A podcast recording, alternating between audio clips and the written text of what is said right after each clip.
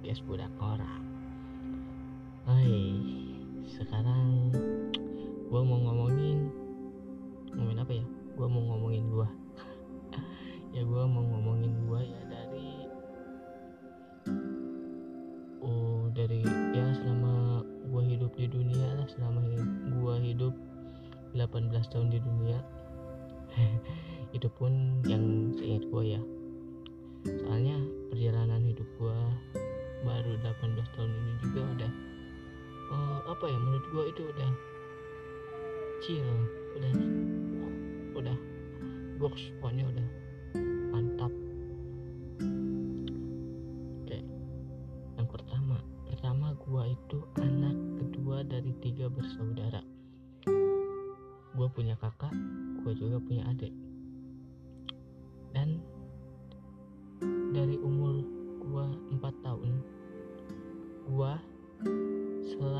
tidur bersama dengan nenek gua di rumahnya nenek gua. Gua tidur di rumah orang tua gua itu gua kelas 1 SMP mantap kan? Lama juga. Gua tidur bersama nenek gua itu dari umur 3 tahun sampai umur eh 11 eh enggak. Ya segitulah pokoknya sampai umur sampai kelas 1 SMP gua tidur bersama nenek gua. Waktu kenapa gua waktu SMP memutuskan tidur untuk bersama orang tua gua? Ya karena di situ nenek gua udah sakit-sakitan. Nenek gua udah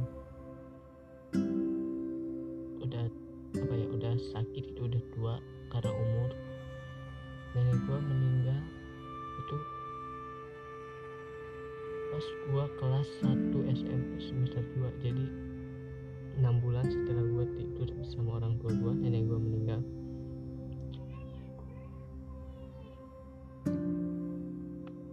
Dan selama itu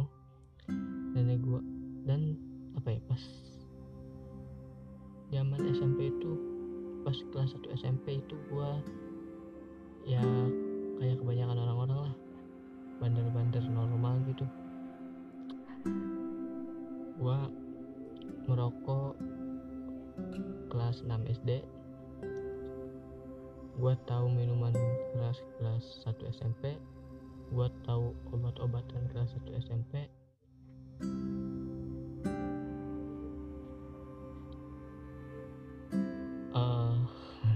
Eh, dan di kelas 1 SMP juga gua hampir satu tahun kesiangan sekolah. Sekolah masuk jam 7.15 gua berangkat jam 8 mantap kan? Gua hampir satu tahun juga gua dihukum membersihkan toilet cewek di SMP gua. Mantep gak? Gua ingat waktu itu wali kelasnya Bu Ira. Dan yang paling gua ingat adalah ketika gua disuruh mengambil gua disuruh ngambil pembalut wanita. Bekas yang ada di atas pintu betapa joroknya waktu itu cewek-cewek SMP gua. Dan yang bikin gua kesel lagi hari ini nih gua bersihin tuh WC. Besoknya lagi kotor lagi dong. Itu gua ngambil pembalut wanita gua sama guru gua yang hukum. Sama-sama muntah sumpah. Bau. Gua baru tahu ternyata pembalut itu bau ya. Bau sumpah. Gua hampir muntah di situ. Bener-bener muntah gua. Tapi karena mungkin karena apa ya keringanan dari sekolah gua gua sering banget masuk keluar ruang BPBK ya karena kesiangan tadi. Orang lain masuk ke ruang BPBK karena pacaran di kelas karena tawuran. Gue gak berani anjir gitu-gitu. Gue kesiangan. Gue kriminalnya di kesiangan anjing tidak disiplin. Kriminal yang sangat tidak disiplin. Tapi gue diberi keringanan sama guru gue sama guru BP gue gue tidak boleh kesiangan selama satu minggu. Itu satu minggu terakhir gue sekolah gue tidak boleh kesiangan sebelum uas satu minggu sebelum uas gue diberi keringanan gue tidak boleh kesiangan selama satu minggu itu. Alhasil gue diantar anterin terus sama orang tua gue tidak dijemput dong dijemputnya tidak tapi dianterin. Dianterin dianterin dijemput tidak bukan antar jemput tapi antar antar gue dianterin itu bukan sampai depan SMP tapi sampai masuk ke gerbang SMP-nya tuh gua banyak yang ngeliatin gitu malu sih. Tapi ya itu apa ya mungkin kalau tidak seperti itu gue tidak akan bisa untuk yang namanya disiplin waktu. Alhasil. Gue naik ke kelas 8 dengan ranking 2 paling bawah. Prestasi yang sangat memuaskan sekali. Kalau kata Sunda mah naik kaseseret di kelas 8 gue masih sama. Tapi jarang gue jarang ada apa ya agak-agak dikurangin itu kesiangannya. Oke penyebab gue kesiangan adalah bukan karena gue terlambat bangun tidur bukan. Karena gue sama temen gue itu kebanyakan nongkrong. Jadi sebelum gue berangkat itu kita nongkrong dulu di warung buat sarapan buat sarapan nasi uduk waktu itu berangkat berangkat jam 7 sampai sekolah jam setengah 8 itu yang membuat gue kesiangan. Jadi gue kesiangan bukan sendiri tapi berkelompok. Kesiangannya berkelompok ya satu kampung waktu itu kampung gue tuh teman-teman satu kampung gue itu semuanya kesiangan. Dan yang paling kocak itu kalau pas upacara. Gue upacara jarang sama teman-teman kelas gue barisnya jarang sama teman-teman gue kelas gue gua upacara itu bikin barisan sendiri itu semuanya kampung gua. Jadi gua upacara bukan sama teman kelas tapi sama teman kampung. Ya karena kesiangan tadi gua barisnya dipisahkan. Orang lain dibilang orang lain barisnya ngatur gua barisnya samping pembina upacara mantap. Jadi teman-teman yang upacara itu semuanya ngeliatin ke barisan kita. Mantap. Dan di kelas 8 agak dikurangin. Lagi jarang kesiangannya. Waktu semester 1 dan waktu itu ayah gue sudah sakit-sakitan. Ayah gue itu sakit stroke dan komplikasi ayah gue meninggal umur 52an waktu itu gua kelas 8 SMP semester 2 gua ingat sebelum ayah gua meninggal waktu itu hari Kamis. Satu hari sebelum ayah gua meninggal waktu itu hari Kamis gua pulang sekolah nongkrong dulu sama temen gua. Di situ gua mabok namanya minum. Pokoknya di situ kita minum ngerokok sampai pulang jam 8 malam. Sampai rumah. Gue jam 8 malam. Ada ibu gue marah tapi marahnya tidak terlalu marah mungkin kalau ayah gue tidak sedang sakit mungkin gue sudah habis itu dimarahin sama bokap gue sama ibu gue tapi karena ayah gue sedang sakit jadi gue ibu gue cuman marah ya biasa aja marah gitu. Dan gue disuruh mandi setelah mandi gue disuruh ngaji ngajiin bokap gue waktu itu bokap gue udah sakit parah gue ngaji di situ. Padahal siangnya habis minum gue ngaji malamnya. Setelah itu pagi hari Jumat gue sekolah seperti biasa sekolah.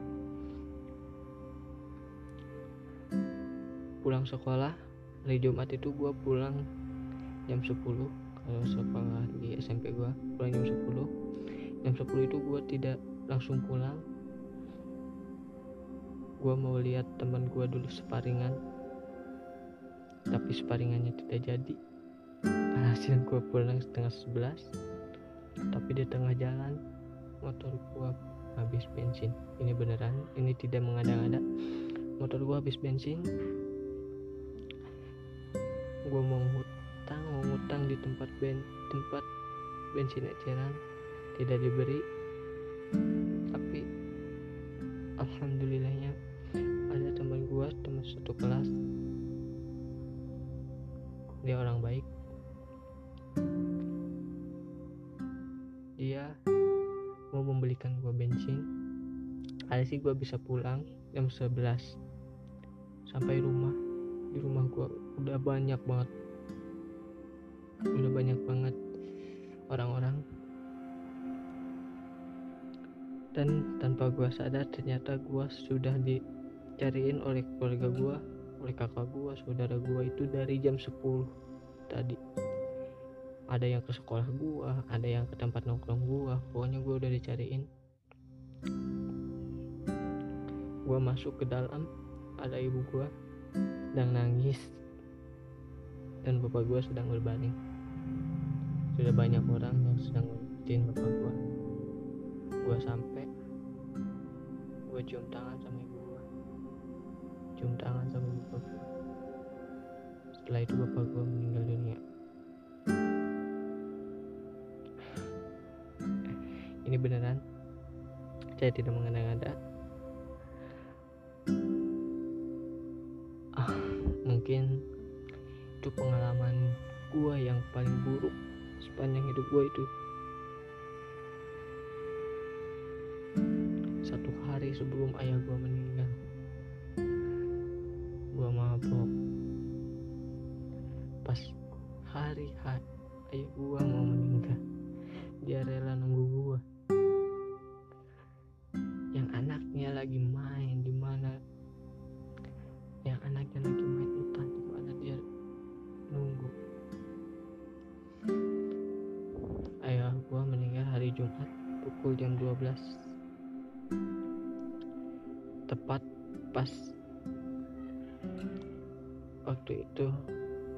bedug pas adan mau sholat Jumat. Tepat pas adan mau sholat Jumat ayah gua meninggal. Mudah-mudahan ya gue ditempatkan di tempat yang indah di surga Allah Subhanahu wa taala. Eh,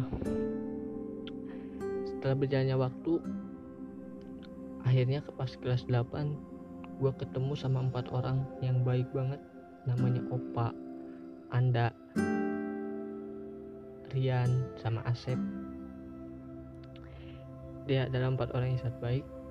Dia yang mau mengajak gua untuk ikut pramuka untuk ikut les komputer. Dia adalah orang-orang yang baik.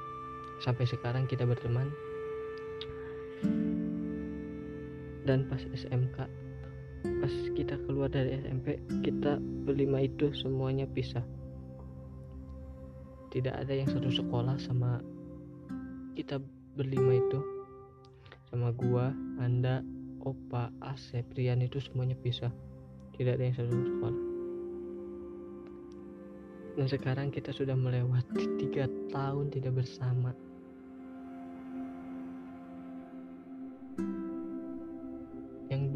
waktu SMP satu tahun kelas 3 SMP itu kita selalu bersama. Kita eskul bareng kita ke kantin bareng. Dia ya dia yang membawa gua berubah.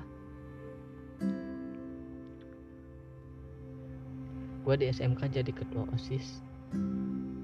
Itu karena gua termotivasi oleh teman gua Opa. Opa itu adalah ketua OSIS waktu SMP dan di SMA dia jadi ketua MPK emang the best tuh orang. Gue SMK masuk OSIS. Gue tidak ada kepikiran itu waktu itu mau mau jadi ketua OSIS. Ya gue masuk OSIS ya masuk aja gitu. Nutur kalau bahasa Sunda itu nuturkan tukang. Gue itu hanya jadi buntut pikiran gue waktu itu di OSIS tapi tidak disangka tidak diduga gue dicalonin jadi ketua OSIS. Dan tidak disangka tidak diduga juga gue kepilih jadi ketua OSIS. Itu sih yang membuat gue terharu. Gue sudah hampir empat tahun gue tidak pernah yang namanya sekarang mabuk namanya sekarang minum minuman keras gue sudah tidak pernah. Tapi kalau rokok masih itulah yang membuat gue berubah. Gue pernah ditegur sama orang Allah kalau mau jadi orang yang brengsek brengsek sekalian kalau mau jadi orang yang benar-benar sekalian jangan nyusahin orang-orang. Itu yang membuat gue berubah gue sudah tidak punya bapak gue sudah tidak punya ayah. Gue harus membanggain ibu gue gue harus bisa jadi anak yang terbaik di mata ibu gue mungkin sekarang gue setelah gue keluar dari SMK setelah ibu gua setelah orang tua gua menyekolahkan gua 12 tahun dengan susah payah ibu gua menyekolahkan gua. Tiga tahun di SMK dengan bayaran satu tahun 9 juta satu tahun 3 juta itu. Mungkin bukan hal mudah menurut gua. Ibu gua hanya seorang janda. Hanya seorang tukang gorengan keliling tapi bisa menyekolahkan anaknya dengan bayaran 3 juta per tahun. Itu sih gue gak tahu gue gak tahu dari mana uang itu ada. Dari mana setiap hari uang itu ada. Yang setiap pagi gue mau berangkat sekolah sudah ada uang di meja. Gue gak tahu uangnya dari mana gue gak peduli uang itu dari mana tapi orang tua gue selalu peduli dengan gue mungkin itu yang harus gue lakuin sekarang setelah gue lulus. Gue harus punya tujuan hidup gue harus bisa membanggakan orang tua gue gue harus bisa naikin derajat orang tua gue dan insya Allah suatu saat gue akan sukses. Terima kasih. Assalamualaikum warahmatullahi wabarakatuh. Sampai jumpa di podcast selanjutnya